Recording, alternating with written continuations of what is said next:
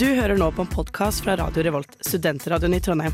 Du kan sjekke ut flere av våre programmer på radiorevolt.no, eller der du finner podkast. God lytting!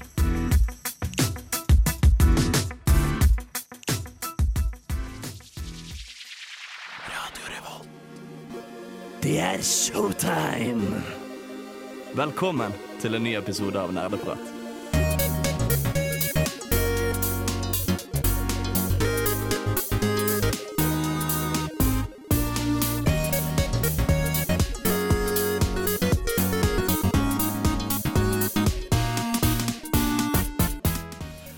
Hei og hjertelig velkommen tilbake til nok en ny episode med Nerdeprat. Vi står i studio igjen. Vi er klare for å prate om film? Vent, hva? Er det Filmofil du hører på? Nei, det er Nerdeprat. Vi skal snakke om spill til filmadaptasjoner i dag. I anledning den nye The Last of Us-serien, som har fått eh, ja, jeg vil si ganske god kritikk hittil. Ja. Det blir veldig spennende å høre om det. Vi skal ha en anmeldelse av Oksana, og så skal vi snakke litt mer om eh, hvordan det går da med adaptasjon av spill til film. Og mye om historikk. Ja, mye historikk. Mitt navn er Håkon, jeg er programleder. Med meg i studio så har vi Oksana. Og på Og- teknikk så har vi Bård. Unnskyld, jeg avbrøt deg. Men, Det går fint. fint. Haha, du aktiverte nettopp mitt trap card! Nå er du nødt til å høre på Nerdeprat til episoden er ferdig! Nani? Det stemmer, du hører på Nerdeprat, og vi skal snakke om hva vi har gjort siden sist. Vi starter med Oksana. Ja. Eh, jeg har gjort eh, to ting, bare. Jeg kan starte med det som er mest kontasjert. Jeg har spilt litt League, fordi at eh, man kan spille Earth nå. Hva, hva er Earth, Oksana? Eh, det står sånn ultra rapid mode eller noe sånt. Ultra Rapid Fire. Ja. Eh, hvor du bare du, si, du får, Det er sånn som i Aram, hvor du på en måte bare får tillit til en karakter, og så kan du eventuelt liksom rerolle for å sjekke om du får en ny, og så kan du, har du evig med mana og veldig lav cooldown. Det er bare sånn Der du får 80% cooldown på alle skills. Ja. Um, Altså 80% mindre eller 80 Altså du, og cooldown reduction, da. Ja. Ja. Som vil si at det er en spill som vanligvis hadde brukt 15 sekunder på cooldown, mm. um, bruker nå 3. Så det er liksom ikke samme Det er liksom ikke samme oppsett som et vanlig liksom normal spill i league. Det er bare gøy, og det går fort, og man kan liksom dø så mye du vil, og det er ikke like mye flaming og Det er liksom bare litt sånn tidsfordriv, da. Jeg gjør jo Ja, det, det mens jeg ser si, Um, mens jeg ser på Netflix, så spiller jeg Earth. Eh, Min erfaring er det motsatte når det gjelder Earth. i hvert fall. Jeg opplever nesten mer flaming der, fordi folk klarer, folk klarer ikke å ta den tullete, uh, gøye game-moden som eh, noe mindre seriøst enn de tar vanlig league, føler jeg, da. Jo, ja, altså selvfølgelig er det litt toxic, men jeg føler i hvert fall, altså stakes er ikke like høye, da. Sånn som de er i normal eller ranked, for eksempel. Altså du kan liksom Altså, det er ikke sånn at du går liksom en vanlig top lane, altså top champ i top lane, eller en vanlig bot eh, liksom duo nede. Du går liksom som du vil. Vi har liksom ingen jungler, for eksempel. Det er liksom ikke noe sånn vanlig sånn stort makroplay som man ellers har. Så det syns jeg er gøy. Jeg kan se på TV og spise druer og spille Earth, liksom, og så er det chill. Jeg får liksom flame i ny og ne, da, selvfølgelig. Mm. Det er liksom noen sånn 'Å, hvorfor begynte du ikke med charm?' Og det er sånn Nei, jeg ville begynne med Q. Sånn er det bare. Og så er det sånn OK, og det er det, liksom. Ja. Men uh, ja. Jeg, så fort Earth er borte, så slutter jeg å spille igjen. Jeg spiller bare når det er Earth eller Earth. Så klart. Ja. Det er bra. Det er godt å høre. Og en annen ting jeg har spilt, er selvfølgelig, sånn som fra siste uke, jeg har spilt Uncharted 2. For Mm. når jeg har blitt ferdig med eneren. Eh, og det har gått helt OK. Det, jeg ser jo at det liksom ikke er sånn Det er ikke så veldig forskjellig fra Uncharted 1. Og det er veldig mye av det samme, bare at det er liksom en ny skatt da, de skal finne. Og så er det en ny Er det en ny dame? Da blir jeg helt sånn herregud, er han utro? Hva er det som skjer? men, eh, men ja, men jeg leser meg litt opp på det, da. Men samme det. Men eh, det Jeg føler at jeg må ta en liten pause fra Uncharted nå. For jeg begynner å bli passe lei. Mhm. Fordi det er veldig repetativt, syns jeg. da. Og det er sånn, Jeg vet at noen syns det er kjempegøy med bare å skyte hele tiden, men det er liksom, siden jeg begynte med Uncharted 4, så er på en måte forventningene mine ganske høye. For jeg syns Uncharted 4 var et veldig bra spill, og jeg likte Ja. det kjempegodt. Mens Uncharted 2 er liksom samme sånn OK, her er vi, og så prøver man litt på stell, og så går ikke det så bra, og så må man liksom Ja, det er liksom veldig repetativt, og jeg kjenner at jeg begynner å bli så jævlig lei av å skyte nå. Jeg orker Ja, ikke. fordi Hvis det er skytinga som du, du er lei av, da kommer du ikke til å bli noe mindre lei eh, hvis du fortsetter nå. Nei, Um, men det skal sies at jeg syns Uncharted 2 er den beste historien av de alle, egentlig. Ja, men jeg har ikke kommet så langt ennå. Jeg har håper å si, bare først i, ja, allerede, altså foreløpig bare i starten av spillet, så det kan hende det blir bedre etter hvert. Men eh, Jeg liksom savner litt det å kunne løse litt puzzles og sånt. da. Det er det jeg synes var så gøy i Uncharted 4, da, at det var litt mer kompliserte puzzles. Og nå er det liksom mer sånn Her har du en shotgun, vær så god. Åtte skudd, overlev. Ja. Mm. Aktung! Aktung! Nerdeprat er på igjen, og dette krever din fulle oppmerksomhet. For vi snakker om de mest sofistikerte emnene i historien, nemlig videospill og andre nerdeting. Jeg sa aktum!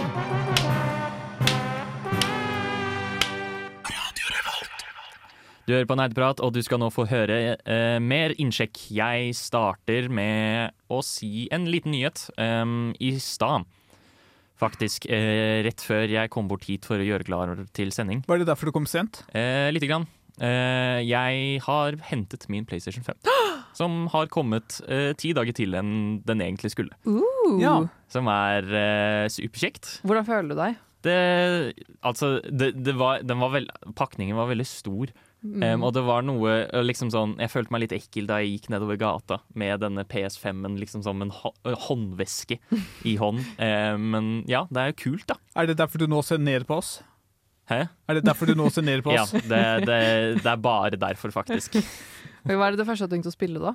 Um, jeg hadde Jeg hadde egentlig tenkt å kjøpe Returnal mens det var på salg, men jeg glemte det. Um, Men, men det kommer på PC sånn februar?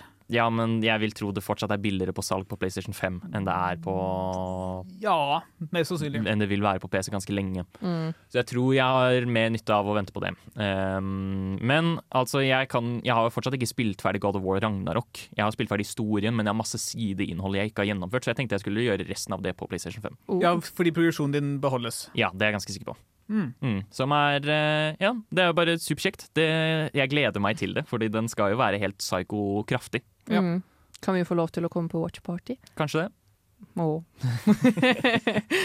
Um, så kan jeg gå videre. Um, jeg har spilt mer Deadlink, um, som jeg snakket om sist. Som var denne cyberpunk-aktig rogelike Doom arena shooter-spillet. um, og jeg har nå også låst opp den aller siste karakteren, Engineer, um, som ofrer uh, litt Han ofrer mobility i bytte mot at han kan legge ut en turret som bare plaffer ned alt. Så klart. Og dere aner ikke hvor kraftig det er i en liksom arena-shooter som eh, ligner på Doom.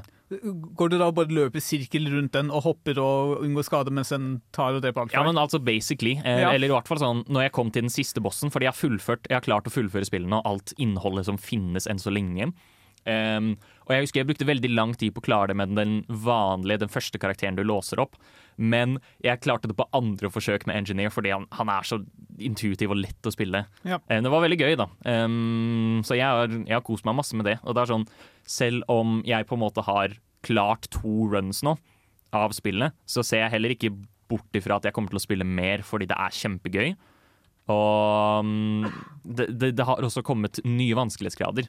Som vil si at det, selv om jeg sti, sto, stormer gjennom den letteste vanskelighetsgraden nå, eh, så vil jeg fortsatt få utfordringer om jeg spiller på vanskelig. Ja. Så jeg tror, eh, jeg, tror jeg, jeg anbefaler det fortsatt veldig høyt. Det er kjempegøy. Godt å høre. Ja. Bård? Jeg har litt diverse siden sist. Uh, Lost Ark har fått et samarbeid med Witcher. Som er, uh, det, det er ikke så veldig interessant sånn egentlig, men det, det mest interessante er at de faktisk har samarbeid med koreansk selskap. Og fått til det. Det er ikke så veldig vanlig du ser det. De hadde vel noe lignende med Monster Hunter for en stund tilbake også. Ja. Og jeg tror det var mer interessant enn det de har gjort nå, men allikevel. Mm. Det, er, det er bra du har samarbeid på tvers av ja, spillselskaper. jeg syns det er kjempesøtt og hyggelig og kos at folk er venner. Ja. Mm.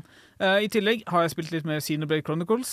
Yeah. Uh, jeg, vil, altså, jeg har ikke kommet så veldig mye lenger fordi jeg gjør sideoppdrag, og de er ikke så veldig interessante. Men jeg har funnet et lite frustrasjonsmoment. Hvis du plukker opp sideoppdrag som har to forskjellige løsninger, så blir du bundet til den ene løsningen så fort du kan fullføre den. Ja. Og det er skikkelig kjipt. Det er et av de aller største problemene. Eh, Ja. Det er et sideoppdrag eh, senere hvor eh, eh, jeg, Rett og slett, det er en person som trenger noen items. Du kan gi den enten en en utrolig vanlig item som du mest sannsynlig har funnet til det tidspunktet, Ja. eller et utrolig sjeldent item.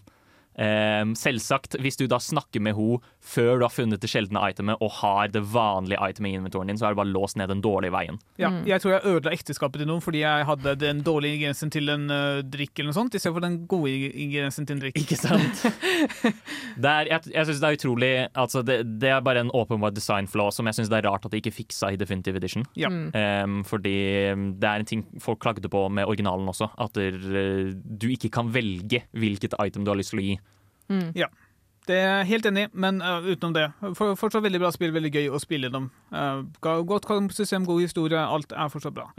I tillegg uh, spilt bitte litt mer Pentiment. Nå har jeg faktisk kommet til det punktet hvor jeg kan ha påvirkning på dialoger basert på min bakgrunn. Og det er også utrolig interessant når folk bare Når du ser ikonet ved siden av og bare sier at det her er fordi du er en jusstudent, så kan du snakke noe om loven i uh, Bavaria Ja. og, sånt, og sånne ting. Og så har, du kommet, har jeg kommet til et punkt hvor jeg kan liksom løse sånn puslespill fordi jeg har funnet én ting et sted, og så går jeg og bruker den et annet sted, og det er også utro, utrolig tilfredsstillende. Det virker, altså Pentiment, eh, jo mer jeg hører om det, jo mer interessant syns jeg det virker. Det virker som et utrolig gjennomført og Det kommer mer oppdatering etter hvert, så når jeg får spilt mer av det. ja. Mm. Mm. Nerdenytt.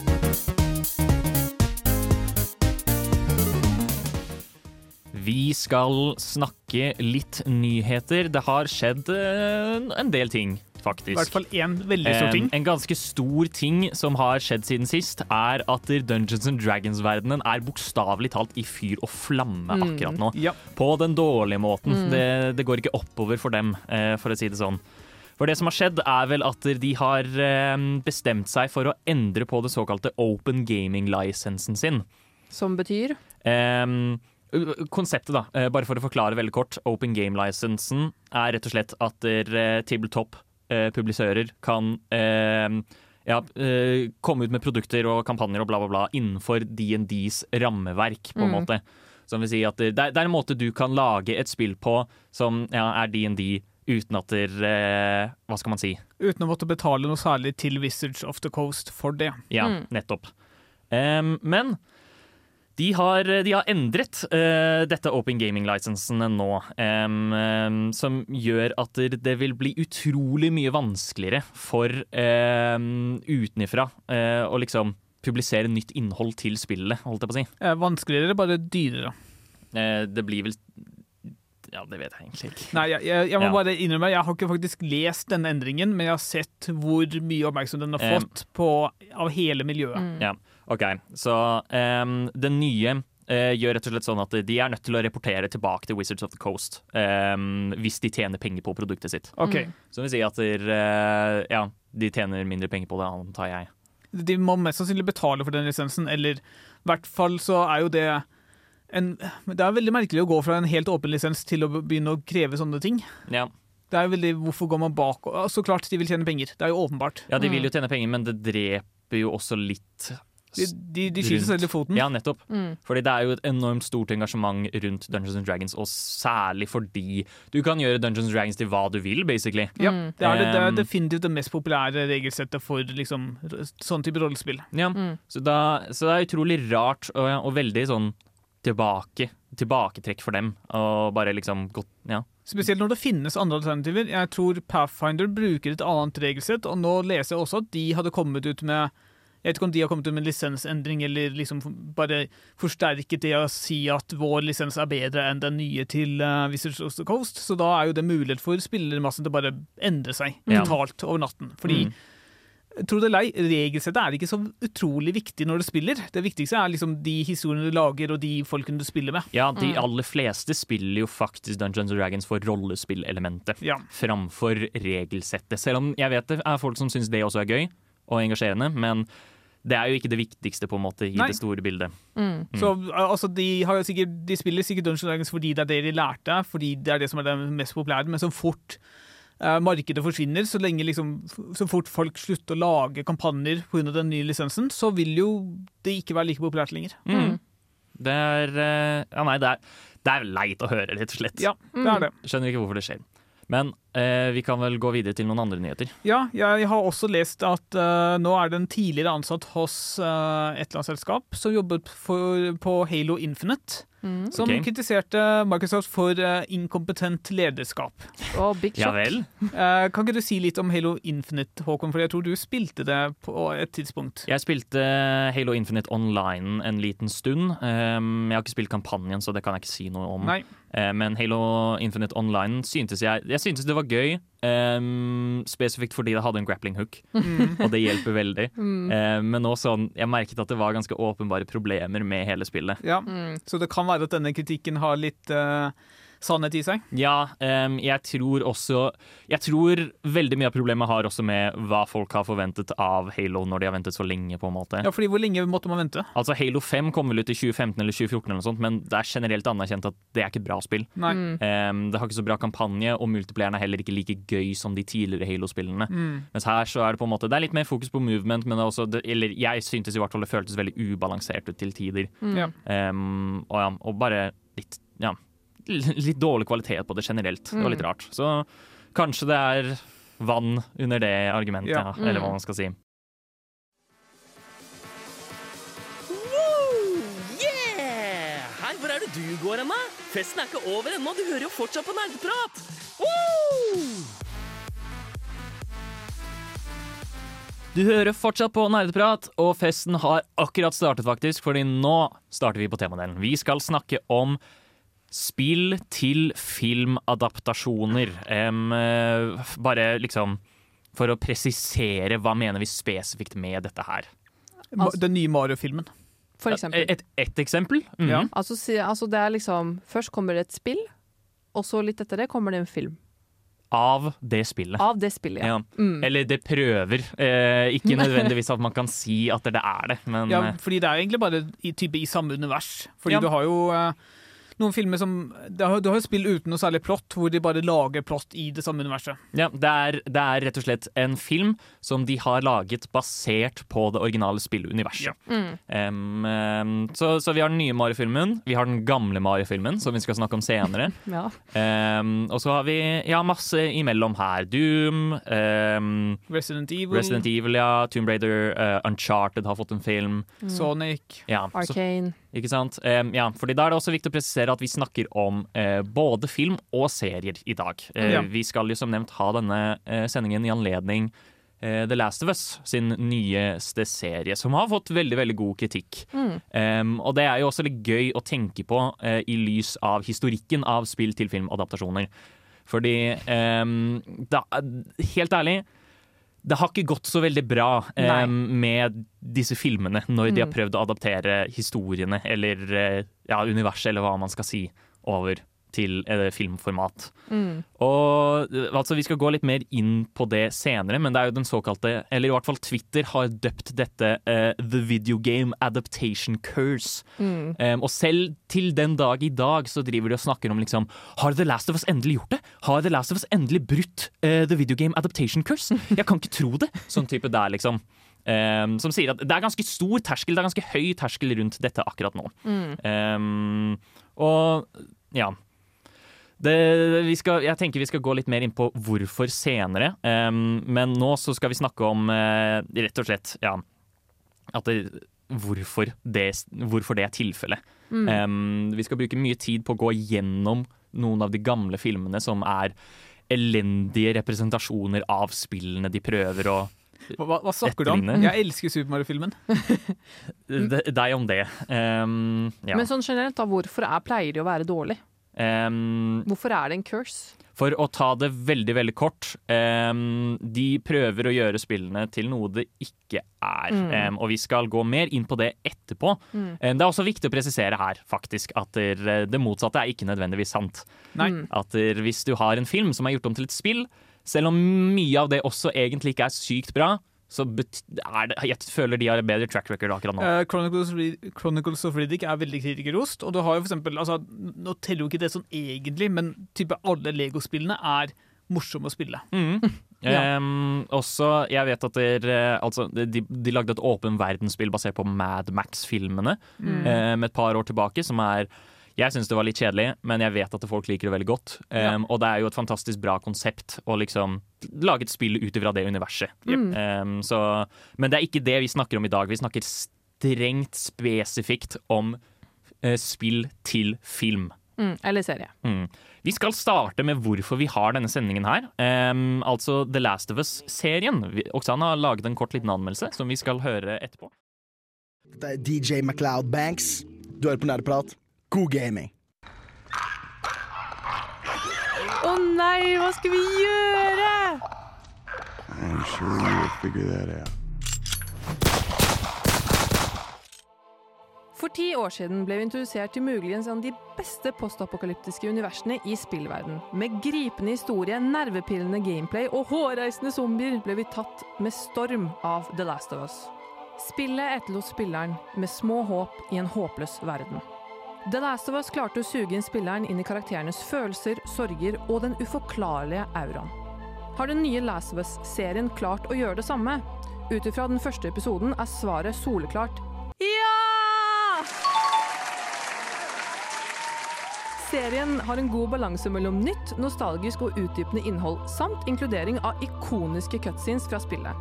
Den ene scenen jeg tror alle gamle fans husker, som sannsynligvis fikk deg til å gråte, fikk meg igjen til å gråte i serien, fordi gjenskapelsen av scenen var bare så hjerteskjærende at du kjenner middagen komme opp, tårene renne, og at du vil legge deg på gulvet og skrike så høyt du kan.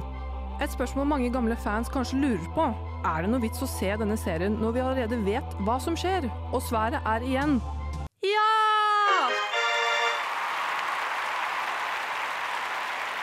Serien tar hensyn til både nye seere og gamle blodfans. Og skuespillerne og produsentene har for å si det sånn gjort sin research.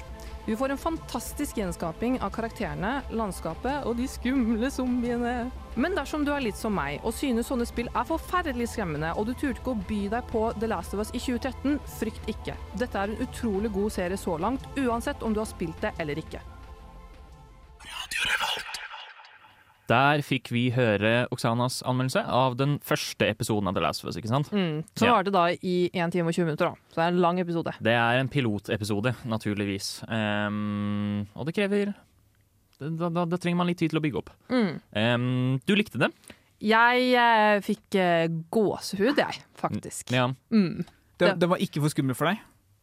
Jo, altså Eller nei, altså det er ikke like skummelt fordi måte jeg vet jo litt hva jeg skal forvente på forhånd, siden Ja. jeg har spilt det. Og at jeg må faktisk ikke ta noen avgjørelser her. Jeg kan bare se, se, jeg kan bare se på og nyte det. Så det er jo selvfølgelig litt skummelt, men det gikk jo greit. Men Mm. jeg kjente jo den derre klumpen i magen likevel. Ja. Sånn som jeg gjorde i spillene. Og det, det er det jeg håper å si jeg syns var det mest fantastiske med, med denne serien, er at den følelsen du satt igjen etter å ha spilt litt av The Last of Us, satt du igjen etter den episoden også. Mm. Altså det var på en måte Du følte ikke at det på en måte var et helt sånn nytt konsept, eller det var veldig sånn Oi, nå har de på en måte prøvd på noe nytt og innovativt som ikke funker. De på en måte har en sånn balanse som bare er sånn wow. Jeg, jeg kan ikke huske alle detaljene i The Last of Us, men jeg kjenner igjen disse få tingene. Fordi de var så ikoniske, liksom. Mm. Og de har vært veldig sånn detaljerte. Altså sånn for eksempel visse T-skjorter som er veldig sånn spesielle for The Last of Us, er jo eksempel med i serien også. Mm. Eller eksempel visse bygninger som er veldig altså som man kanskje uh, også kjenner igjen veldig fort da når man har spilt spillene. Eller uh, liksom uh, et, et veikryss. Alle Hvis dere har spilt det, så vet dere hvilket veikryss, det veikrysset man ser i starten. At man, de på en måte har recreata de scenene som er cutscenes i spillet, såpass godt, da, uten at det er kjedelig å se på.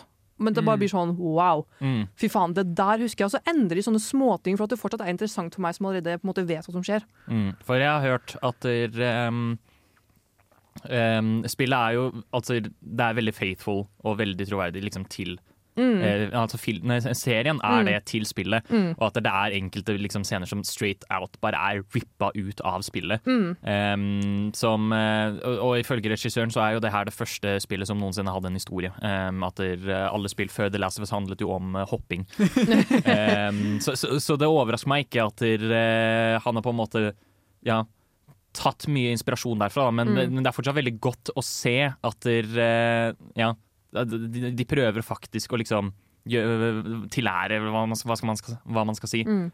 til det originale spillet. Så jeg har spilt så vidt The Last of Us. Mm. Uh, vil du anbefale å spille igjen og spille og så se TV-serien, eller ha litt mellomrom mellom dem, kanskje?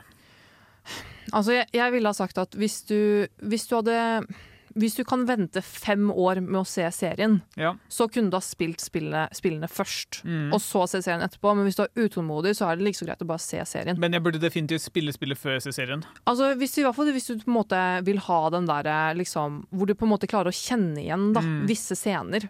Og det er ikke sånn at de på en måte at alle cutscenesene, som på en måte de litt mer skal vi si, uviktige cutscenesene, at de liksom er recreata helt perfekt. Kanskje noen av de ikke er med engang. For jeg også så på å si den, den delen som episoden omhandler på en walkthrough. Og det er på en måte de scenene de recreata, var jo de mest viktige scenene. Ja. Mm. Um, så vidt jeg har forstått, så tar også den, den nye The Last of Us-serien Det har jo bare kommet ut én episode, så det er litt vanskelig å si akkurat nå Selvsagt. hva du skal dedikere deg til. Som en um, da, blodfan av det originale The Last of Us, Mm. og hva det på en måte uh, Jeg er lei av all diskursen rundt det på internett, men jeg elsker spillets historie og slikt, og jeg mener jo at det, det definitivt er noe eget å oppleve det når du, sitt, når du står i Joel sine sko. Mm. Um, men uh, ja, at det, jeg, jeg ser Jeg, jeg syns fortsatt det er veldig interessant å merke seg liksom, hvor stort engasjement rundt det får. Fordi Mm. jeg så, har for eksempel også fått sett flere eh, tweets og slikt um, som sier at der, de hadde aldri hørt om The Last of Us-spillet, men hadde lyst til å se serien. Mm. Um, som, det, det er jo et kjempegodt eksempel på hvorfor en slik serie burde eksistere. Ja. Mm. Mm. Eh, og det jeg syns også var ekstremt fint med denne serien, var at ok, som jeg sa i sted, at de cutscenes som er i spillet, de er recreata ganske, altså ganske bra, veldig bra i serien. Men den delen du faktisk spiller i spillet, det er ikke nødvendigvis recreata. Der har de på en måte tatt seg litt mer friheter til å på endre litt sånn Å ja, vi husker man gikk gjennom liksom denne bunkeren eller dette området, men så har de på en måte endra på det, at det skal passe på en måte til historien. At ikke det blir sånn at det på en måte bare blir et kjedelig sånn gjenfortelling. Altså helt uh, Hva heter det? Punkt i prikke? Nei, ja, Mm, det er ja. uttrykket, ja. Punkt i prikke. Sånn som spillet. Så det gjør liksom meg, som vet hva som skjer, litt sånn Jeg blir likevel nysgjerrig. På en Ja. måte. At jeg like blir sånn Å ja, for jeg husker at de gikk med der, men nå gikk de på denne ruta. Fordi der er kanskje de har tatt med en ny karakter som på en måte er kanskje irrelevant i spillene, men det er kanskje viktig for den storyen de skal bygge i serien, selv om det på en måte er den samme. Mm. Og så går de også litt i dybden. da, Du får sett, du får sett mer av The Last of Us i serien enn i spillet, fordi starten av The Last of Us er jo egentlig ganske kjapt og går ganske fort. Mens her har de på en måte brukt ganske lang tid på liksom jeg skal, ikke, jeg skal ikke spoile, men du kan bli, liksom, bli kjent med karakterer du kanskje ellers ikke hadde blitt så godt kjent med i spillet. Mm. Ja. Mm. Det er, eh, man skjønner jo hvorfor de gjør det i spillene, fordi du skal komme deg til liksom, hovedhandlingen. Ja, ja, og det er kjempebra. Men uh, man, man kan sette pris på at de liksom bruker litt mer tid på å bygge opp før også. Mm. Um, Og skuespillerne er veldig bra. generelt utrolig lovende for denne serien. Um, utrolig interessant å se på dette i perspektiv med alt annet. Um, fordi det her er jo serien som er satt til å bryte den såkalte forbannelsen. Mm. Men hva, hva er greia med denne forbannelsen? Vi skal snakke mer om det etter vi har hørt Darkova med All Up In My Head og Lowly med Seasons. Pst, hører du det? Monster! Svette! Lån! Databrus! Det er nerdeprat i sitt naturlige habitat. Vi snakker om eh, spill til filmadaptasjoner. Vi har snakket om The Last of Us, som er en ganske god serie. eh, Så langt. eh, ifølge Internett og Oksana.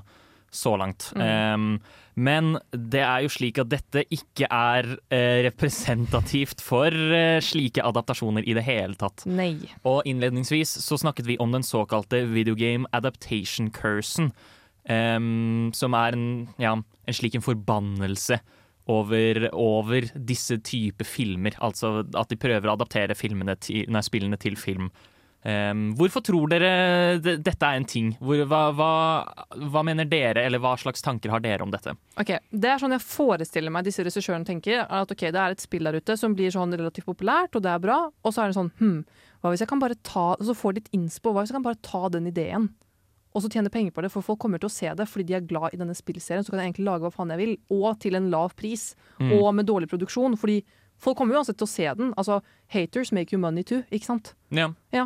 Det er jo uh, akkurat det samme som virker som har skjedd med film. Det er jo utrolig få originalideer som blir film nå til dags. Det er gjerne basert på bøker og sånne ting, fordi de Mm. vet at bøkene har gjort det bra. og sånn, Så da Mm. tar de derfra spillet istedenfor. Eller i tillegg. Eventuelt altså filmer som eh, istedenfor å lage originale nye konsepter, så bare lager de uendelig mange oppfølgere Ja. til Ja. allerede eksisterende IP-er. Ja, ikke sant? Um, som må være sånn, ja, um, dumt, bla, bla, bla. Uh, og det er virkelig det som kanskje er um, det du sier, at det største problemet med disse filmene, vil jeg si, er nettopp det at filmskaperne ja, tenker vi kan gjøre hva vi vil med det, på en måte. Ja, og det virker ikke som de har noe særlig forståelse for liksom, følelsen spilleren sitter med. Kanskje det er noe spillmekanisk som gjør at spillet er skikkelig bra, eller kanskje det er noe, en eller annen interaksjon mellom karakterene i spillet som de ikke da gjenskaper på film, som gjør at de bare faller helt flatt. Mm. For jeg føler også de seriene som på en måte Det er veldig tydelig da når en regissør og skuespillere virkelig har satt seg inn i det spillet de skal adaptere, versus de som har ikke har gjort det. Yeah. Sånn som de spillene som da tar seg liksom at ok, de er i det samme universet, men på en måte det er ikke canon i det hele tatt. Yeah. At de filmene som regel suger balle. Mens de seriene og filmene som faktisk vil følge samme storyline, eller i det minste liksom basere seg på noe som er canon, er som regel da, etter min mening, pleier å være litt bedre. Sånn som The Last of Us eller Arcane, eksempel. Mm. Um, og det er jo kanskje veldig godt, um, fordi de veldig mange vil se på som suksesser, er jo faktisk serier framfor film. Um, og da er det sånn, er to timer runtime altfor lite til å uh, lage et spill rundt et spill som kanskje er 16 timer langt, da. Jeg tror ikke det, men det er noe med hvor du, hvordan du fordeler tiden din på. Fordi veldig, mange, altså, veldig mange spill er jo flere, altså titalls timer langt. Så det er jo noe med hva, hva slags håndfaste ting vil du egentlig få til. For eksempel i en, i en tilfeldig Super Mario-film så kan du bare ha en kort historie om hvordan Super Mario redder en prinsesse. Men du kan for eksempel ikke gjenskape The Last of Us i en to timers film. Nei, ikke sant. Um, og jeg har gjerne lyst til å komme med et eksempel her, bare superkjapt. Um, fordi i 2021, så kom, eller 2020 var det kanskje, eh, så kom det ut en Monster Hunter-film. Ja. Um, basert på spillserien Monster Hunter. Den var regissert av Paul W.S. Anderson, samme som har laget Resident Evil-filmene. Um, altså mannen som caster kona si i hovedrollen hver eneste film han lager. Så klart. Um, vel. Men. Uansett, og her er det jo rett og slett sånn Monster Hunter sin handlinger er jo i hovedsak bare vi eh, Å nei, det er en Elder Dragon som løper amok. Hvorfor det? De dreper han, og så innser de Å nei, det var ikke den Elder Dragon, det var noen andre, som regel. Ja, så at du liksom bygger opp Du, mot, du må kjempe mot flere forskjellige monstre og bli gradvis sterkere. Ja. Em, og det er jo på en måte hovedvekta av det spillet, at det er dritkult å slåss mot monstre og sånt. Ja. Men um, det, dette spillet her, da, eller denne filmen her, uh, gjør hele Monster Hunter om til en isekai. Um, hvor hovedkarakteren er en eller annen militærperson som blir transportert til Monster Hunter-verdenen. Em, og, og da må liksom slåss mot en eller annen gigantisk Rathalos, som er maskotten av uh, spillserien. Og da er det på en måte Den er kjedelig. Um, du føler ikke liksom Du føler ikke noe særlig representasjon av eh, den ville variasjonen av våpen som er i spillet. Em, og heller ikke liksom eh, hvor mye Monster Hunter bryr seg om at monstrene skal føles realistiske ut. Til tross Ja. for at de er svære monstre. Ja, Og det at du liksom Du, kjempe, du kjemper mot samme monster flere ganger, du kjemper mot sterkere og sterkere monster. Det er ikke kun én, ett Ja. stort monster, du må, det er flere. Mhm. Så her er det rett og slett De har egentlig ikke tatt så veldig mye hensyn til hva spillet skal representere, og hvor gøy spillet er, og hva som gjør spillet gøy. Ja. Men bare vært sånn Nå skal vi finne opp en eller annen tullete handling til dette her, um, og gjøre noe med det. Det er, eh, og det er vel kanskje den aller største eh, problemet til veldig mange av eh, filmene.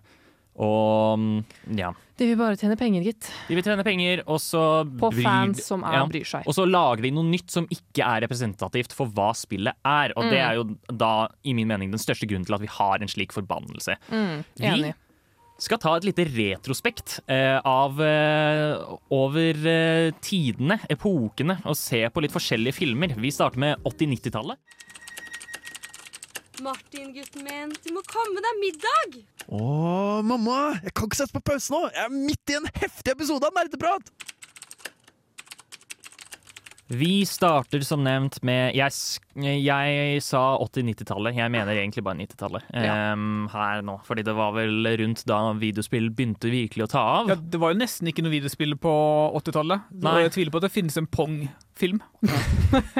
Det burde det jo finnes. Um, jeg, jeg, jeg kan ikke fatte at det, liksom, den, den, den uh, inspirerende historien av en paddle som klarte å Eller en ball da, som klarte å bli slått rundt av to paddles. Ja. Ut- Utrolig vakkert. Men vi snakker om eh, 90-tallsfilmer, um, og da er det Jeg kan best oppsummere dette som liksom helt grusomt cheese. utrolig cheesy filmer som virkelig ikke forstår um, hva som på en måte gjør eh, Eller de, de- de representerer seriene sine så ekstremt dårlig. Har du noen gode eksempler på det? Ja, jeg kan starte med å snakke om uh, Street Fighter-filmen som kom ut i 1994. Ok. Um, som er kanskje, uh, bare for å liksom nevne det kort Handlingen har basically ingenting å gjøre med eh, spillene, lauren som har blitt bygget opp i spillene. Fi- Finnes det noen historie i Street Fighter? Det finnes ganske mye bakgrunnshistorie Okay. altså, Mm. som du ikke får se da, i Arkaden og bla, bla, bla. Men hvis du hadde lest manualen da, da, du, da spillet kom ut, så hadde du fått med deg hvordan eh, Ryu eh, er trener, og, og Ken trener sammen med han, og at Ryu har hemmelig shadow-kraft inni seg, og bla, bla, bla. Mhm. Em, men uh, denne, denne filmen ser helt bort ifra det, alt sammen. Ja. Um, og har liksom helt grusomme kostymer uh, til de forskjellige karakterene. Jeg føler ikke det liksom de, de ser ikke så bra ut, og special movesa som på en måte er så sykt kult å gjennomføre i spillene, ser, det er så tåpelig koreografert, og alt er bare superteit, og liksom dialogen er helt elendig. Em, så, so, so, so det er sånn Det er kanskje et litt dårlig eksempel, da, fordi det er bare en dårlig film igjennom. Men det er veldig godt og, og viktig å påpeke at der, eh, de har misforstått hva egentlig som gjør spillet sjarmerende, eller hva som, hvor, hvem, spillet, nei, hvem filmen er for, på en måte. Fordi Man hadde jo trodd at de hadde laget Street Fighter for Street Fighter-fans, men tilsynelatende så har de ikke gjort det i, um, i denne filmen Nei. som er dumt. Og det, er- det er veldig mye av de samme problemene med den gamle Mortal Kombat-filmen. Men vi skal heller bruke litt tid på å snakke om en annen ganske merkverdig film som er sånn Usikker på om hvor mange som egentlig vet at den eksisterer. Nerdeprat hadde filmkveld for eh, to dager siden, hvor vi så Super Mario Bros-filmen fra 1993. Jeg må bare påpeke at jeg tror ikke, ikke Oksana visste at den eksisterte før jeg nevnte den, fordi hun trodde jeg mente den nye som kommer om noen måneder. Ja, den nei, jeg hadde ikke hørt om den, nei. Ja. Det var jo lenge før jeg ble født, så jeg, Um, jeg ante ikke. Jeg, jeg så denne første gang da jeg var sånn ti år eller noe sånt. Um, jeg, jeg må spørre dere nå, hva syns dere om filmen? Altså, den er Den, er, interessant. den- den var morsom. Jeg er uenig. Jeg syns den var Den var jo morsom, men det er fordi den er morsom fordi den er så dårlig. Den er helt grusom. Um, for å forklare, da. Ehm, de, denne filmen her tar for seg heller atter The Mushroom Kingdom, der hvor Mario og Peach holder til og jobber og sånt. Altså Mario og Luigi er selvsagt eh, rørleggere fra Brooklyn. Ja, så klart. Som de, som de har vært i canon i, på det tidspunktet. Men her er det altså eh, Idet meteoritten treffer eh, prehistoriske Brooklyn, da dinosaurene var, så splittet verden seg i to forskjellige dimensjoner. En hvor dinosaurer fortsatt eksisterte, og en med mennesker. Ja. Um, som er helt insane, men det er jo da uh, Mushroom Kingdom er da dimensjonen med dinosaurer og sånt. Så liksom Gombaene, copaene du møter, um, og Yoshi og alt sånt der, er bare dinosaurer. Og de ser helt grusomt stygge ut. Ja, og hele, på en måte, den der, og hele Mushroom Kingdom er en sånn utopisk sånn ekkel versjon av Brooklyn, liksom. Sleazy suburban bakgate, eh, liksom, hvor det bare gror ekkel sopp overalt. Slimete, ekkel Eh, sopp. Man må kanskje også påpeke at uh, det er ikke dinosaurer som går rundt, det er jo mennesker som da er utviklet av dinosaurer. Ja, Ja. Så det er mennesker som bare ikke er pattedyr. Ja. Eh, Så de legger egg, da. De legger egg. Eh, det, er, det er utrolig rart, hele greia. Og det er sånn Um, De går så sykt hardt inn for at det, ja, dette er Mario nå.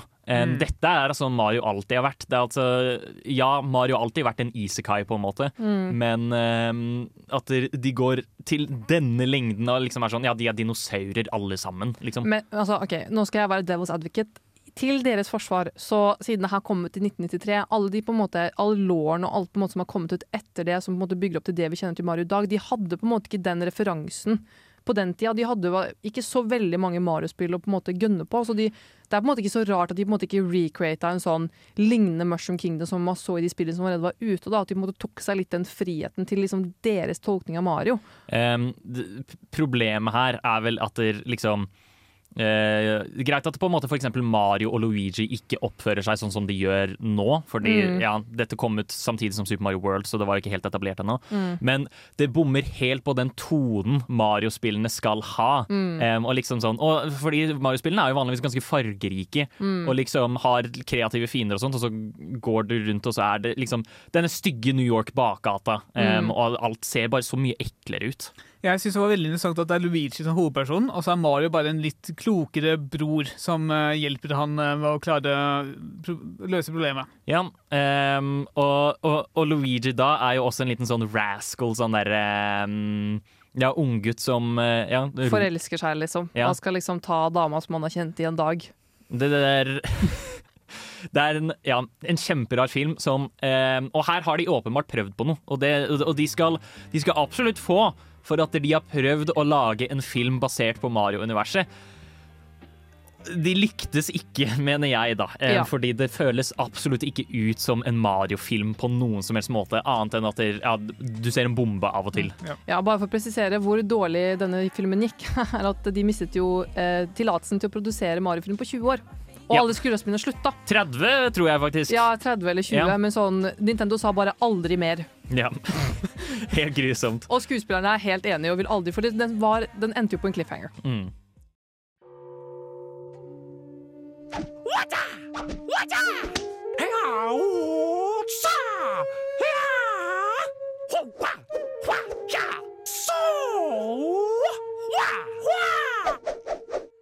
Nerdeprat. Vi går videre til eh, det moderne 2000-tallet, em, eh, hvor man så eh, ja, faktisk flere og flere videospillfilmer enn det som var tidligere. Fordi Av en eller annen grunn så var det veldig veldig stort tanke om å liksom lage det rundt slåssespill, ved unntak av Mario-filmen. Nå er det mer liksom de type spillene som tok verden litt med storm da de kom ut. Em, som for eksempel uh, i 2001 så kom eh, Tomb Raider-filmen ut, eh, med Angelina Jolie i hovedrollen som Lara Croft. Og jeg er ganske sikker på at de aller fleste er enig eh, om at der, eh, den filmen har ganske bra Eller at Angelina Jolie er bra casta for den rollen, når liksom eh, Lara Croft skal være på en måte sånn eh, og skal være Ja. En slags kvinnelig Indiana Jones. Ja. Du ser jo i filmen at hun er veldig akrobatisk. Hun driver og Ja. trener Mm. turn og sånt i huset. Og var liksom eh, eh, Tomb Raider, altså Lara Croft i spillene, var liksom alles barndom-crush eh, da spillet kom ut. Og liksom Hun skulle være deilig og fet samtidig. What?! Det hadde vi aldri sett i Mm. videospill før, ikke sant? Med gigapupper. Ja. ehm, men Pyramider. Pyram ja, gigapyramider. og så eh, kommer filmen ut, og den har liksom den mest latterlige plottet og de mest meningsløse actionscenene. Og jeg vil si egentlig vel, det, det mangler mye av det som gjør Tomb Raider spesielt.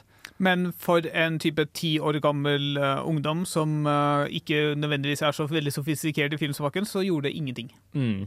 Ehm, ja, kanskje. Eh, det gir jo mening, men om man liksom ehm, Jeg vet ikke. Når jeg har sett den i nyere tid, så er ikke jeg så veldig stor fan av den. Um, og det er fordi liksom Den skal jo prøve å emulere Indiana Jones. Den skal være liten sånn skattejaktaktig Ja. ting. Um, og mm, det bare får ikke til det. Og så har den en eller annen sånn det, det er en helt latterlig scene i filmen som involverer en svær robot. Um, og det er sånn, det her er så langt unna Tomb Raider som det går an Ja. å bli. Mm. Og det, det, det blir veldig Det blir så ekstremt at det blir tullete til tider. Mm. Og, ja. Ja. Jeg, jeg er helt enig, men hvis du var liksom barn da den kom ut Jeg var jo type åtte år da den kom ut, og jeg Mm. tror, jeg, jeg tror sånn sikkert da jeg var ti-tolv år. og sånt, og det, Jeg brydde meg ikke så mye om plott i filmer. Jeg bare ville ha action, og jeg ville ha liksom en historie jeg kunne like. Mm. Ja, jeg er også helt enig. Jeg, jeg tror jeg sikkert så den filmen før jeg, det- jeg visste hva Tomb Raider var, for jeg var jo tre år gammel når den kom ut. Og jeg Mhm. tror jeg så den med mamma, fordi mamma syntes Angelina Jolie var så kul. Og da husker jeg bare tenkte sånn wow, en kul dame. Hun var pen, og hun kan gjøre syke ting. Mm. Mm. Uh, og det er vel kanskje også samme grunn til at du likte Resident Evil-filmene um, som kom ut på dette tidspunktet. Ja, altså i hvert fall de første øh, to, i hvert fall. Jeg er usikker med om jeg, kan, om jeg har lyst til å snakke om treeren så veldig mye. Men i, okay, i hvert fall den første filmen, da. Altså sånn Jeg også så Resident Evil-filmene før jeg rørte spillene, på en måte. Ja. Fordi det var, jeg var jo ikke gammel nok til å skjønne hvordan jeg spiller Resident Evil når jeg var fem år gammel, liksom. Du trodde jo faktisk at eh, Resident Evil-spillene var basert på filmen, Mm, som er flaut, Um, om du spør meg. Nå går jeg. Nå går jeg ha det. Men um, det, altså, de, er jeg vil si OK minus filmer, ehm, men som også igjen har absolutt fullstendig misforstått hva Mm. Resident Evil handler om. For dette er en dum, eh, basic actionfilm med et par jumpscare her og der, eh, og zombier som ja, var liksom the craze Mm. der og da, på en måte. Kanskje derfor Resident Evil ble laget. Hvis de filmene hadde hatt en annen tittel, som ikke hadde noe med Resident Evil å gjøre, så hadde det vært helt OK actionfilmer. Ja. Eh, Problemet bare at de bærer den tittelen. De bærer den tittelen fordi Resident Evil skal være atmosfærisk, det skal være skummelt. Det Mm. skal selvsagt ha cheesy dialog, um, men det skal, og det skal heller ikke ha en badass superkvinne som bare gjør alt. Det skal være en, eh, en eh, Hva er det? Resident Evil 2 er jo den perfekte settingen i min mening. da En rookie cop som er out of his league, på en måte. Ja, eh, du, du skal ha litt suspens hvor du er liksom klarer hovedpersonen faktisk å overleve dette. Ja. Um, og i hvert fall i de senere Resident Evil-filmene så blir jo hovedkarakteren helt crazy. Um, som igjen har misforstått poenget. Den aller siste filmen jeg har lyst til å trekke frem her, eh, er Doom-filmen fra 2005, tror jeg det var. Ja, 2005, Med Dwayne Johnson i hovedrollen. Hvor alle, alle, alle vet jo hva Doom er. Ja. Det er eh, Du løper rundt på Mars. eh, Du løper jævlig fort, og du skyter folk uten å reloade i det hele tatt. Mm. og det går helt superfort, og du kan breeze gjennom et nivå på sånn tre minutter hvis du er god og kjapp og flink nok, liksom. Det, er- det skal være høyadrenalin, og det skal være episk på den måten. Så da gjør de heller filmen om til en supertreg sci-fi skrekkspill. Eller skrekkfilmen, ja. Em, som igjen er sånn For de som spiller Doom, og som da hører at det kommer en Doom-film, de får noe helt annet enn det de hadde trodd de skulle få, naturligvis. Fordi, ja, fordi Doom er ikke skrekk Det er, det er ikke sci-fi, treg skrekkfilm. Det, det hadde nesten vært eh, bedre liksom øh, altså Så klart, ikke det samme scenario, men altså Du skulle hatt hastigheten til Mad Max Fury Road. Ja, ja, ja men faktisk. Em, det er greit at Doom ikke har noe særlig historie bak seg. Um, og det hadde ikke trengt å legge så mye innsats i hva den historien skulle være, men du må i det minste treffe tonen. Ja. Du må treffe tonen til spillet, hvis ikke så kommer ikke folk til å like det. på en måte Og det hjelper heller ikke at Doom er At filmen er gørrkjedelig. Ja. Um, det, gjør det, det gjør det jo hele bare verre. Vi har sett masse eksempler her nå. Men nå skal vi gå tilbake til den moderne virkeligheten, altså nåtiden, hvor, det fort, hvor det har kommet enda flere, enda flere em, spillfilmer. Du får en remake, og du får en remake, og du får en remake. Alle får en remake. Vi går nå tilbake til eh, 2010-årene og egentlig fram til i dag. em, Hvor det vi snakker om litt flere filmer som har blitt adaptert. Eh, Det, det skal også nevnes at det er veldig mange flere videospillfilmer vi ikke har snakket om. Vi har snakket om noen av de mer relevante eksemplene for det vi prøver å fremme, egentlig. Ja. Men, eh, men det generelle track record all around egentlig er jo at det er ganske dårlig. Og det er også det samme med de ja, mer moderne filmene. Om vi starter med 2016s Assassin's Creed, eh, med Michael Fassbender i hovedrollen. Eh, ganske, ganske berømt navn. Eh, ja. Jeg, jeg klarer ikke helt å skjønne hvorfor man gjør Assassin's Creed til spill. Nei, til filmen, ja. Fordi altså, Assassin's Creed er interessant fordi du spiller snikmorder, og du får lov til å oppleve en del av historien som du ellers kanskje ikke ville opplevd. I hvert fall de nyere spillene. ja, det er jo at du får leve deg inn i de forskjellige historiske epokene. Ja. Um, Som en snikmorder. Ja, eh, nettopp. Og i hvert fall når man ser denne filmen her, så er det veldig åpenbart at regissøren hadde ingen tanker om hva denne filmen skulle handle om. Nei. Fordi den er sjelløs, den er uinspirert, og den er kjedelig. Ja. Og det er liksom Jeg gir Assassin's Creed-serien veldig mye tyn.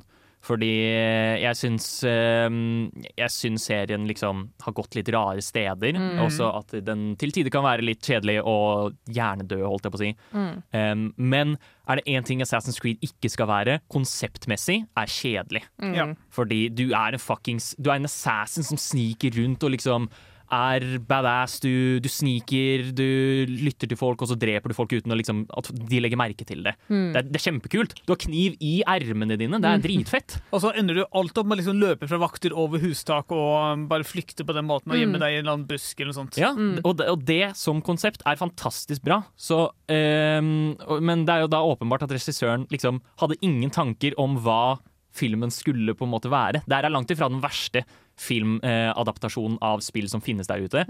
Men den, eh, jeg syns nesten det er verre at den er uinspirert og, og liksom bland enn Ja. noe annet. Ja, ja. Jeg husker liksom ikke noe hype rundt den i det hele tatt. Mm. Jeg, jeg vet ikke hva jeg fikk opp med at den kom ut en gang. jeg. Nei, jeg gjorde det før i går, jeg. Ja. ehm, Nei, men jeg husker at ingen snakket om den engang. Liksom. Det var liksom ingen som kom på skolen og var sånn Wow, jeg så Assassin's Creed-filmen, den var jævlig kul. Det var liksom ikke bare Det var liksom bare ikke noe. Ja, Liksom. nei, det er fordi den ikke er så veldig bra. Mm. Um, vi har eh, snakket veldig mye om egentlig ganske shitty filmer. Jeg har eh, prøvd å finne gode filmer til uh, denne sendingen også, men vi skal ta en liten kjapp detour um, før vi um, Eller vi, vi, vi, vi kan snakke om Uncharted først. Ja. Fordi jeg har vært på en Uncharted train Mm. i en, et par uker nå, og jeg så faktisk Uncharted-filmen som jeg heller ikke hadde sett i går. Eh, den var eh, helt OK. Ja. Nei da, jeg syns jeg syns ikke det var en veldig dårlig film. Altså sånn, for meg, Det eneste problemet som var på en måte stor nok for meg til at jeg reagerte litt, er at jeg syns det var Jeg syns det er veldig irriterende når ting ikke er canon. ikke sant? Og jeg skjønte liksom ikke helt hvor denne tidslinjen var. Og liksom, ja, ok, den, er, den skal liksom være før det første spillet, Mm. men det på en måte det endte med, stemte ikke helt overens med timelinen. Så jeg blir liksom forvirra om har de endret på den, eller hva er det som har skjedd? Det som også er veldig rart, er at dette tar sted før det første spillet, men det inkluderer også scener fra spillene. På et Ja. eller annet vis. Um, det er en scene som involverer et cargo-fly, Um, Mm. Som er revet rett ut av det tredje spillet. Og Mm. det, er sånn, det er det tredje spillet i serien, og du sier at denne filmen tar sted før alle disse spillene. Det, det, det er veldig rart. Det, merkelig. ja, Mm. det gir ikke så veldig mye mening sånn sett. Og jeg føler dette var et veldig godt eksempel på dette med å tjene penger, fordi at jeg lot merke til ganske mye product placements i, i serien, nei, i filmen. Eh, Det var en del sånne liksom Altså okay, Det var litt kult at når han åpnet en koffert, så var det Naughty Dogs eh, klistremerke inni kofferten. Sånn, ah ja, Naughty Dogs. Mm. Men så kom de sånt Sony og PlayStation, og det var litt sånn herre aha, OK, jeg forstår. Ikke sant? Mm. At det på en måte var Jeg følte at Uncharted-filmen var mer som en sånn promo for spillene, hvis du skjønner? En to timer lang reklame. Ja, ja at det var det. Og sånn, ok, Tom Holland okay, Jeg har en, min personlige beef med Tom Holland sånn generelt, liksom. Jeg bare liker han ikke for, for ingen grunn, egentlig. Men, så jeg var ikke så veldig fornøyd med at han spilte Nathan. Men altså, det var jo ikke i seg selv liksom en dårlig film eller dårlig laget. Den hadde på en måte den lille essensen av Assassin's Creed, bare, nei, Assassin's Creed, av um, Uncharted. Men det var liksom sånn, ja Det var igjen Det minte meg liksom om en Marvel-film, liksom. Mm. Ja, og det er sånn Når du har en så fantastisk gøy, kul, fet, actionfylt historie som Uncharted, Mm. hvorfor gjør du det kjedelig? Ja. Det er akkurat det vi snakket om med Assassin's Ja. Creed også. Hvorfor gjør du det kjedelig? Ja. Hvorfor er det bland? Hvorfor er det Ja. Ja, og liksom, ok, nå er jeg veldig pirkete, men når man da skal lage en, eh, en, en, en filmadaptasjon, og man da sier ikke dette skjer før det første spillet, som da kom til i sånn, hva da, 2005, eller hva det var, for veldig lenge siden, eh, og liksom, de har på en måte så moderne teknologi, jeg var sånn, å, dette samsvarer liksom ikke med den tida de skal være i, liksom, de er liksom ikke i 2023, de Ja. har ikke smarttelefoner. De har liksom ikke disse bilene og sånn. Jeg, jeg vet ikke, jeg syns det fucket litt med liksom selve liksom historien til Uncharted, og derfor ble jeg litt sånn «Ah, Det er ikke sånn det gikk, da. Mm. Nå blir jo alle kidsa litt forvirra. ja. Og det er det er sløvt. Mm. Jeg nevnte veldig kjapt at jeg har prøvd veldig hardt å finne gode filmer. Vi, kan, vi skal snakke litt mer om eh, Warcraft senere også, men vi kjapt nevne at det her er en film som på en måte Den er interessant å ta av fordi den har litt blandede, blandet kritikk. Yep. Um, fordi folk som ikke har noe kjennskap til Warcraft, syns den var veldig kjedelig. Folk som har spilt mye World of Warcraft, syns den var veldig bra. Mm. Har jeg forstått. Ja. Som at det, de, de var ganske faithful. Jeg vet ikke om si den er veldig bra, men den er, i hvert fall, den er god nok. Ja, den Mm. er, det var en liksom faithful uh, forestilling av Ja. Warcraft-universet, som er det, det er det vi ber om. Hvis, Mm. du, skal, hvis du skal adaptere eh, spill til film, please treff tonen og klar og liksom Ja, treff tonen og følelsen av spillet. Ja, ikke bare tjene penger. Å, helvete! Jeg må forte meg! Det er en ny episode av Nerdeprat. Det kan jeg ikke gå glipp av.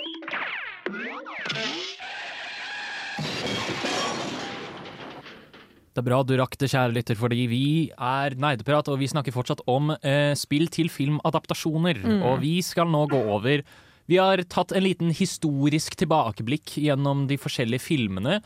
Nesten bare dårlig, egentlig, fordi Mm. på det tidspunktet i historien så var det nesten bare dårlige filmer. Men det er et Mm. kjempegodt eksempel på hvorfor spill til filmadaptasjoner ikke lykkes. Mm. Og nå skal vi se på eksempler hvor det lykkes egentlig ganske godt, som regel. Og det er eh, i serier, Ja. som et TV-serieformat. Ja. Um, om vi kan starte med den aller første da, av de som på en måte Um, fordi jeg føler jo Det har vært tre forskjellige serier nå som har kommet ut som alle ifølge internett har brutt den berømte videogame adaptation cursen. Mm. Hvor den aller første av disse er Castlevania-serien. Som da er eh, typ en eh, animert Netflix-serie som ja, tar for seg Det tar for seg på en måte handlingen til Castlevania 3. Det, er- det er vel en anime? Ja. Ja. Um, Fortell litt historien rundt familien som jeg helt har glemt navnet på, og liksom hvor, hvorfor de eksisterer, og hva de jakter på, hvem de blir jaktet av. Ja, vi, får, vi, blir, vi settes i skoene til Trevor Belmont eh, fra Belmont-familien. som, eh, Og dems, dems mål er at den skal jakte Dracula. rett og slett. Den skal stoppe Dracula fra å ødelegge alt. Mm. Eh, fordi Dracula er sinna på menneskeheten, og han har bestemt seg for at nei, menneskene skal dø. Mm. Og det er en, i hovedsak en action-packed serie um, med enkelte karakterutvikling her og der. Um, jeg mener at de to første sesongene var veldig, veldig bra, um, og de tre, sesong tre og fire var mindre gode. Og det er Jeg føler de mista litt av essensen, og så ble de nesten litt sånn I hvert fall sesong fire føltes ut som at den var skrevet av en edgy 15-åring, ved at hver eneste karakter hadde banneord overalt, og det bare Og så var det veldig rar pacing generelt. Men Castlevania må nevnes fordi de lagde virkelig noe godt. em, I hvert fall i de to første sesongene. Og igjen, de brøt den såkalte video Ja. game adaptation cursen. Eller i hvert fall ifølge internett, da. Mm. Og så går vi jo videre da, til 2021 med Arcane. Ja. Um, også, også en ganske stor suksess. En ganske elsket serie, til og med. Å ja. Men er, er den lagd av Riot, eller har Riot liksom Det er vel, eh, ja, den er vel lagd med Riot, i hvert fall. Jeg vil Ja. tro det. Um, og da er dette basert på League of Legends-universet. Mm. Spesifikt altså det mest interessante området i League of Legends-universet, altså. Piltover og sånn. Ja, Og gjennomført veldig bra. Mm, det er fantastisk vakre animasjoner. Mm. em, et utrolig godt utgangspunkt for en serie.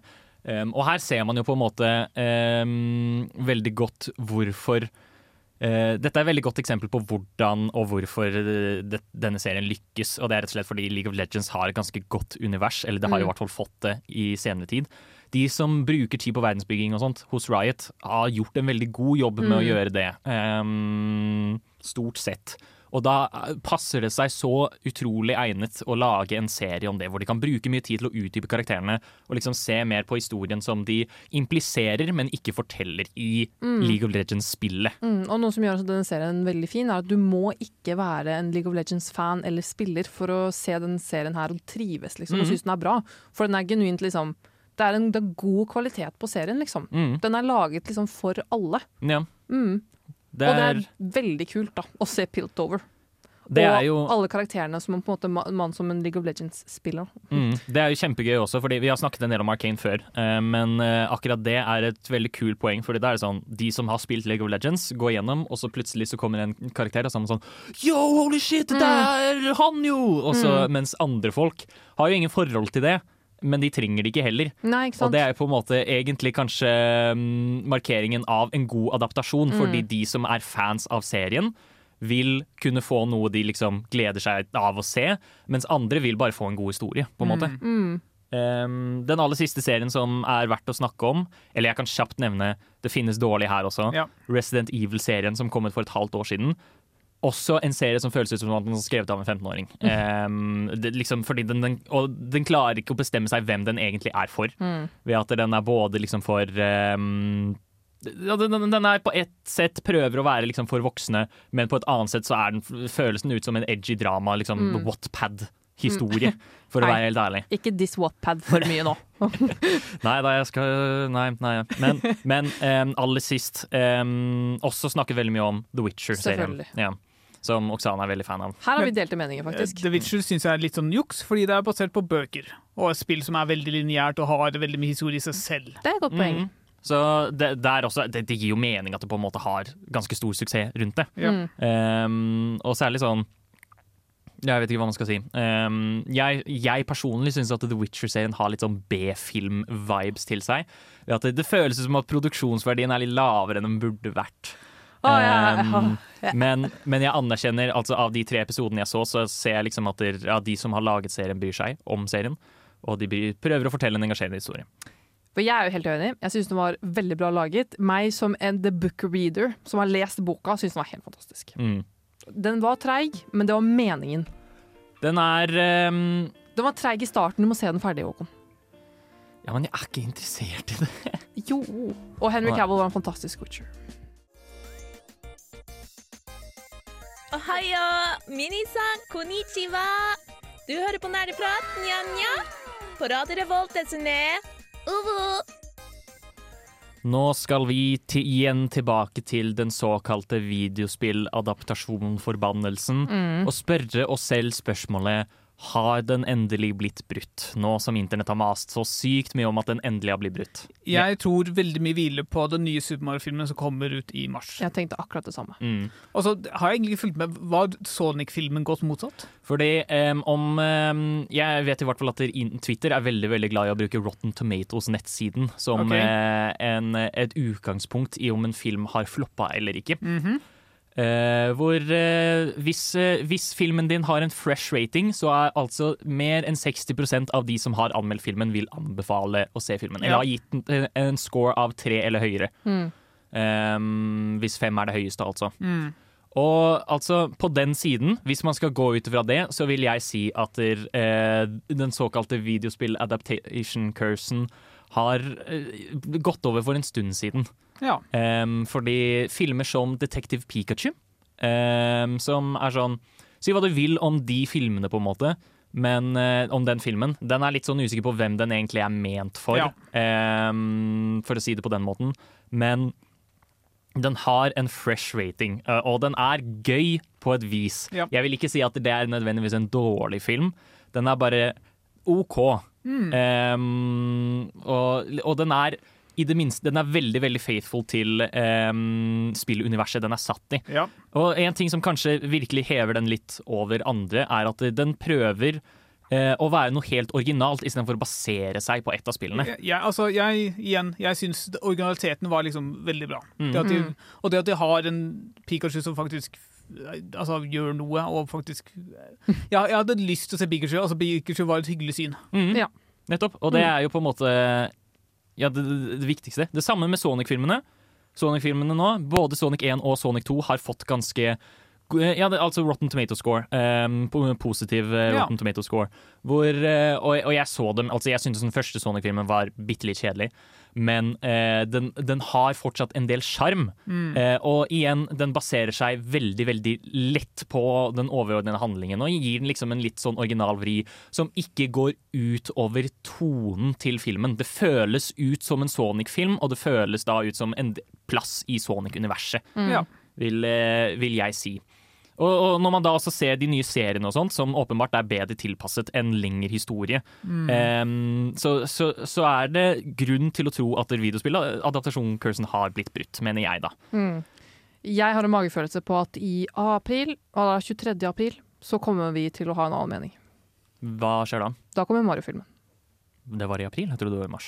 Men Kanskje mars. Samme det. Når den kommer ut, så føler jeg at vi kommer til å få vi vårt svar. Ja, vi får se. Um, det er nok mulig. Jeg tror den eneste, den største tingen er at der, um, nå har det på en måte blitt litt mer tillit til videospill som et medium.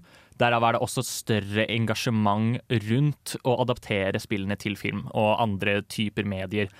Ja. Um, men Uh, Og jeg tror da at vi er nødt til å på en måte lære av hvordan vi har adaptert tidligere, og gjentenke hvordan vi adapterer spill til film. Mm. Ja, og så bare huske at uh, den nye Mario-filmen er litt kontroversiell. Det er litt rollebesetninger som folk ikke er helt enig i, så det er, det er ikke verdens verste ting om den flopper. Altså, Mm. vi, vi overlever det, vi kan komme oss videre til neste, fordi vi har hatt ganske mye bra annet i det siste. Mm.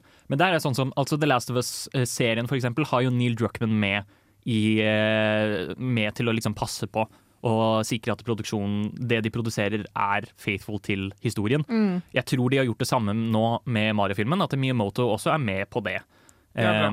Naturligvis. Fordi de, det, det skal fange tonen av eh, spillet. Og det er egentlig, jeg syns, hvis du skal lage en to timer lang film om uh, et spill som har en 16 timer lang historie, så går det på en måte du, ja, Gjentenk hvordan det skal gjøre det, på en måte. Mm. At det, um, det er mulig, men du må liksom fange essensen og tonen av spillet. Og så kan du heller liksom lage en original historie. Det går. Vi ser at Detective Pikachu har fått det til, vi ser at Sonic-filmen har Ja. fått det til. Mm. Så jeg har eh, Personlig har jeg ingen tvil om at vi kommer til å se mer videospillting framover. Mye av det kommer fortsatt til å være dårlig, men jeg tror også mer av det kommer til å være bra. Ja. Så det er veldig spennende, og ja, vi ser fram til det. Videospill begynner å liksom få, få anerkjennelse som et større medium nå. Ah, vi begynner å bli mainstream. Mm, Ah. begynner å bli mainstream. Når innså du at du var en gamer? Dersom du kunne spilt kun et spill i et år Hva er det eldste spillet i backloggen din? Hva har du lært fra spill som du har fått nyte av i Er det et spill som har hjulpet deg gjennom en tung periode av ditt liv? Hva er ukas spørsmål? Ukas spørsmål er jo selvfølgelig hvis du kunne valgt hvilket som helst spill som du skulle adaptert til film. Hvilke hadde du valgt? Og hvorfor da, kanskje? Hvem er det som har lyst til å starte? Jeg vil starte. okay, også om du får ikke lov. Nei, uh, mitt åpenbare svar er jo selvsagt Fifa. Ikke sant? Det har du hvert fjerde år, kjære deg. Ja. OK, Live kanskje ikke Fifa, TV. da. Uh, nei, et litt mer seriøst svar, som egentlig ikke fungerer så veldig godt, men jeg har, jeg har en drøm.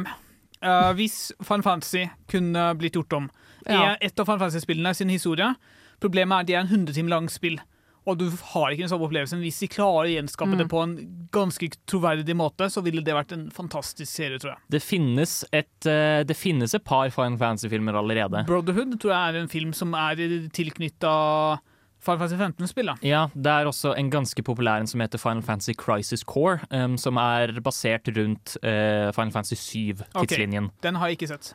som uh, blandede reviews. Ja.